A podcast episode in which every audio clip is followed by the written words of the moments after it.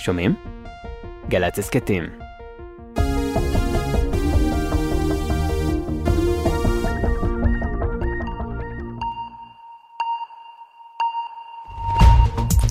עשרה ימים בלבד לפני הבחירות לנשיאות אקוודור, אחד מהמועמדים, פרננדו ויה ויסנסיו, נורה למוות באירוע שקיים כחלק ממסע הבחירות בקיטו, עיר הבירה, כך זה נשמע. ויה ויסנסיו היה בין הקולות הבולטים באקוודור נגד הפשע והשחיתות, אבל לא היה בין המועמדים המובילים לנשיאות. מיד ביומן החוץ כל הפרטים. אדם שנחשד באיומים על הנשיא ביידן נורה ונהרג בידי כוח של הבולשת הפדרלית ה-FBI כאשר הגיע לעצור אותו ולחפש בביתו שביוטה. Major news today, and this also involves the president's visit to Salt Lake City. FBI agents shot and killed a man who allegedly made some very concerning threats. החשוד קרייג רוברטסון איים על הנשיא ביידן ברשומות שהעלה לרשתות החברתיות, והוסיף כי כבר תכנן כיצד לפגוע בו. האירוע התרחש שעות ספורות לפני ביקור ביידן ביוטה, וייתכן שזו הסיבה לעיתוי ה-FBI. בהוואי, לפחות 36 הרוגים בשרפות ענק שמשתוללות בעיר להיינה. אלפים נאלצו להתפנות, רוחות חזקות מלבות את השרפה שגרמה להרס של מאות מבנים. I'm a resident of Lahaina for about 18 years, and uh, we just had the worst disaster I've ever seen. All Lahaina is burnt to crisp, and it's, it's like an apocalypse. אני תושב להיינה בערך 18 שנה וזה האסון הכי גרוע שראיתי. סיפר מייסון שגר בהוואי ונכווה בזמן שנהג דרך הלהבות. כל ההיינה שרופה עד היסוד וזה כמו אפוקליפסה. וגם מה באמת קורה בהפיכה הצבאית בניג'ר, מי ביקש את פרטי הטוויטר של הנשיא לשעבר טראמפ, ומדוע אסרו על שימוש בבינה מלאכותית במבוכים ודרקונים. יומן החוץ, אנחנו מתחילים. מסביב לעולם ב-15 דקות, יומן החוץ של גלי צה"ל מביא לכם את כל מה שקורה בתבל. באקוודור הכריזו על מצב חירום בעקבות רציחת אחד המועמדים לנשיאות בבחירות שעתידות להיערך שם בעוד קצת יותר משבוע. כתבתנו יערה אברהם המתנקש חוסל במקום ואת מצטרפת אלינו עם פרטים נוספים. שלום יערה. שלום עומר, אנחנו נמצאים במרחק של עשרה ימים בלבד מהבחירות לנשיאות אקוודור, והלילה אחד מהמועמדים לנשיאות, פרננדו ויה ויסנסיו, נורה למוות באירוע שקיים כחלק ממסע הבחירות בקיטו, עיר הבירה, לעיני המצלמות. מצלמות. בתיעודים שמגיעים משם, רואים אותו יוצא ממבנה מלווה באבטחה וסביבו קהל רב שמריע לו, וכשהוא נכנס לרכב נשמעות כמה יריות, הוא נפצע קשה ונקבע מותו. המשטרה פתחה באש לעבר היורה והוא חוסל במקום. ויה ויסנסיו היה בין הקולות הבולטים באקוודור נגד הפשע והשחיתות, הוא דיבר על האלימות שגאתה שם בעקבות הסחר בסמים, והבטיח להחזיר את כוחות הצבא והמשטרה לרחובות, ובכך להחזיר גם את הביטחון האישי. במרוץ לנשיאות, שם התמודדו שמונה מועמדים, שבעה מתוכם, כולל ויה ויסנסיו, היו בחסות המשטרה. כלומר, היה ידוע שיש איום על חייהם מארגוני הפשע באקוודור, ולמרות שלא היה מועמד בולט במיוחד, כמובן, רצח של אה, מועמד לנשיאות מעורר סערה גדולה מאוד שם. הנשיא הנוכחי, ג'יירמו לסו, כתב בחשבון הטוויטר שלו, אני מזועזע מהרצח, הפשע הזה לא יכול לעבור ללא עונש.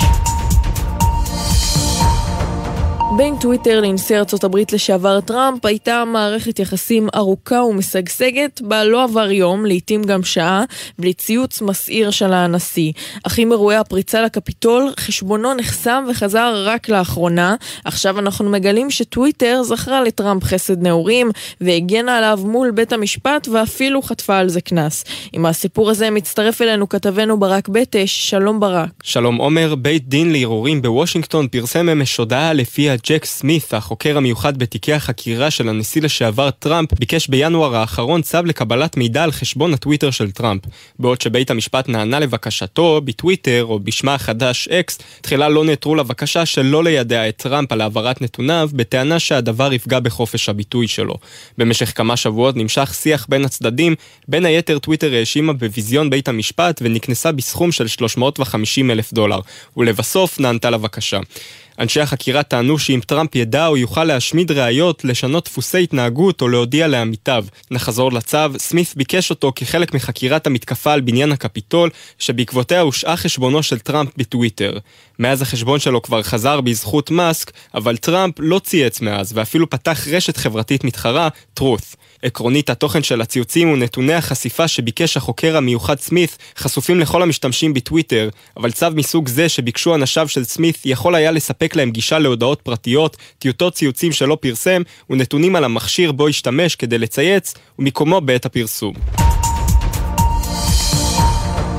העולם כולו החל לדבר בשבועיים האחרונים על ניג'ר, מדינה מערב אפריקנית שלא אומרת הרבה לאוזן הישראלית, אבל מהווה כבר שנים כלי דיפלומטי חשוב באירופה בגלל הכוחות הצרפתים שנמצאים שם שנים, אבל אחרי שהצבא המקומי החליט לקחת את הכוח לידיו בניסיון להחזיר את השלטון לעם הניג'רי, כנראה שהמפה הפוליטית באזור עומדת לעבור טלטלות.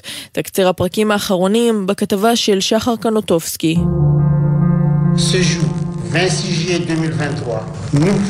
בעקבות הידרדרות המצב הביטחוני וליקויי הממשל הכלכלי, אנחנו, כוחות ההגנה והביטחון, החלטנו לשים קץ למשטר המוכר לכם, הכריזו לפני שבועיים מנהיגי הכת הצבאית בניג'ר.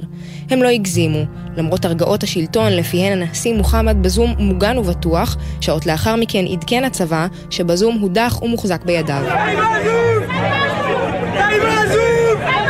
תוך ימים ספורים עמדות השלטון אוישו על ידי אנשי צבא, עוד ועוד פוליטיקאים נעצרו והשמיים נסגרו. מנגד, מעבר לגבולות ניג'ר, הטילו עיצומים כלכליים על המנהיגים הצבאיים החדשים.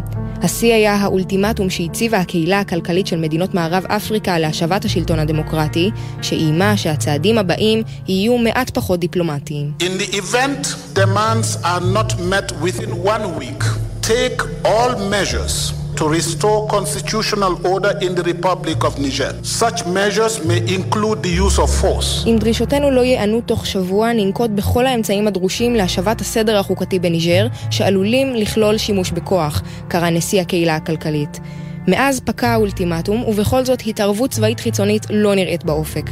השלטון הצבאי עומד בינתיים על כנו, וכשהעולם כולו מגנה, הכת מקבלת תמיכה דווקא מבפנים. בהצהרות הניצחון, בהתפרעויות ברחובות וגם בהצתת בניין שגרירות צרפת בתחילת ההפיכה, נשמע קולם של אזרחים שנותנים לכת הצבאית את המנדט, מתוך תקווה להוציא מניג'ר את החיילים הצרפתים והאמריקנים שמוצבים שם כבר עשרות שנים. אמרנו לעצמנו שאם הצבא יחליט להתערב, נהיה איתו, אמר סולימן, שתומך בהפיכה. אנחנו מבקשים שהצרפתים ילכו הביתה, החיילים שלנו הם שמגינים עלינו, לא משטר העבר המבוסס על אינטרסים חיצוניים. בינתיים צרפת ושכנותיה פועלות להוצאת האזרחים האירופיים מניג'ר, על אף החשש שקבוצת וגנר הרוסית תיכנס למשוואה. כבר עכשיו ניכר שהקונפליקט הפתאומי הזה בין ניג'ר למדינות אפריקה צפוי להשפיע על מעצמות המערב, הרבה יותר ממה שניתן לראות מעל פני השטח.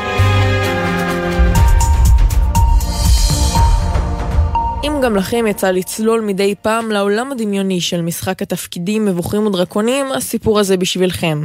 זיכיון משחקי התפקידים הכריז שלא יאפשר לאומנים להשתמש בטכנולוגיה של בינה מלאכותית כדי ליצור את דמויות המשחק, מכשפות, מפלצות ודרקונים כמובן. הסוגיה הזו התעוררה כשדמות של ענק המחזיק גרזן נראתה לשחקנים מעט מוזרה. הם פנו לרשת לשאול האם היא צוירה על ידי אדם, ולאחר בדיקה התברר כי אחד המהירים עבד במשך כעשור עם תוכנות בינה מלאכותית. כן, כן, הרבה לפני שדלי ומידג'ורני נכנסו לחיינו ללא ידיעת החברה. כשיוצרים עם בינה מלאכותית, לעיתים יש כמה פרטים מעוותים, ובציור של הענק עם גרזן, כמה פרטים עוררו את חשד המעריצים. האמן קיבל שיחת נזיפה מהחברה והובהר לו שמעתה השימוש בבינה מלאכותית אסור, ויש ליצור לגמרי לבד את כל הדמויות, במטרה ליצור את הדמויות הכי מציאותיות שאפשר. וכהרגלנו נסיים את זמננו הקצר יחד עם אנקדוטה מוזיקלית.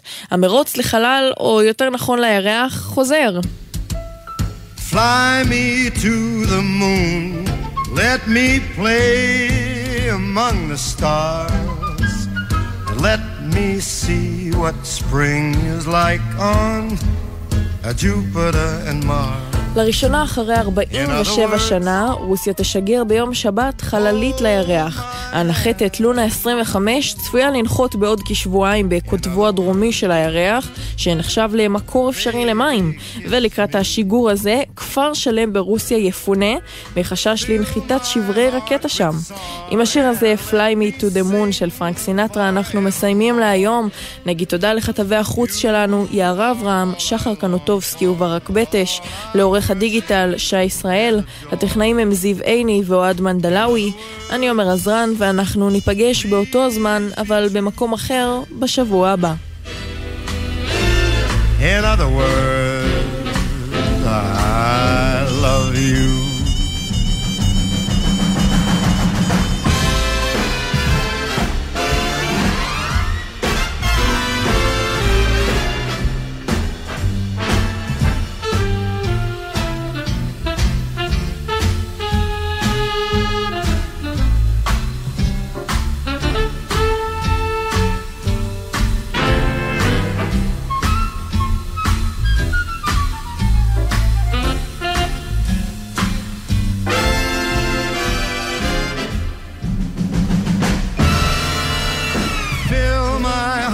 Song. Let me sing forevermore. You are all I long for, all I worship and adore. In other words, בחסות אוטודיפו, המציעה מצברי שנאפ לרכב כולל התקנה חינם עד תשע בערב. כי קשה להניע את היום אחרי שהרכב לא מתניע בחנייה. אוטודיפו.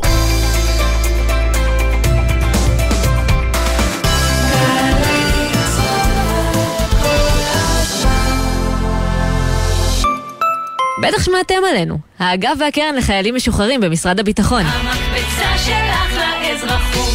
אבל חשבתם פעם למה אנחנו... המקבצה שלך לאזרחות. זה משום שאנחנו מציעים הרבה יותר ממענק ופיקדון אישי. גם לימודים, הכשרות ומלגות וגם ייעוץ אישי והכוונה. אז היכנסו לאתר שלנו, תנו לנו להיות... המקבצה שלך לאזרחות. אה, אורי חזקיה! שקע ותקע? בכבודנו ובעצמנו. מצטער, זה לא זמן טוב. בדיוק עברתי דירה, ואני צריך להתקשר לחברת החשמל, לעדכן פרטים. להתקשר? אתה באמת מצחיק. תשלח וואטסאפ! וואטסאפ?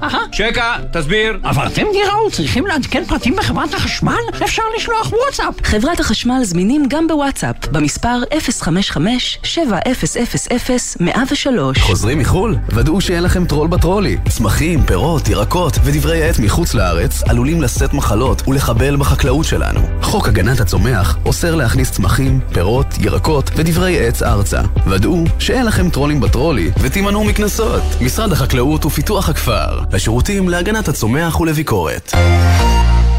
א' עצור. מ' מיינמר צדי. צרפת. הלובר נסגר לתקופה הארוכה ביותר מאז מלחמת העולם השנייה. א', ארצות הברית. אוזבקיסטן. אוסטרליה. ארמניה. רגע, איך כל זה ייכנס ברבע שעה? גלי צה"ל מציגה מסביב לעולם, מגזין חוץ שמסכם לכם את כל מה שקורה בתבל, ב-15 דקות בלבד. חמישי, רבע לאחת בצהריים. גלי צה"ל. שלום, כאן יואב גינאי. המוסיקה ברדיו גרמה לי להבין מגמות בחברה שלנו. הסרט האחרון שראיתי בקולנוע לימד אותי על הכלכלה שלנו. והצגת התיאטרון האחרונה שעלתה לחצה לי על הנקודות הכי בוערות במדינה. כי זוהי תרבות, המראה הכי חדה לחיים שלנו. ולכן, בכל שישי בבוקר אני שואל, מה יהיה בתרבות?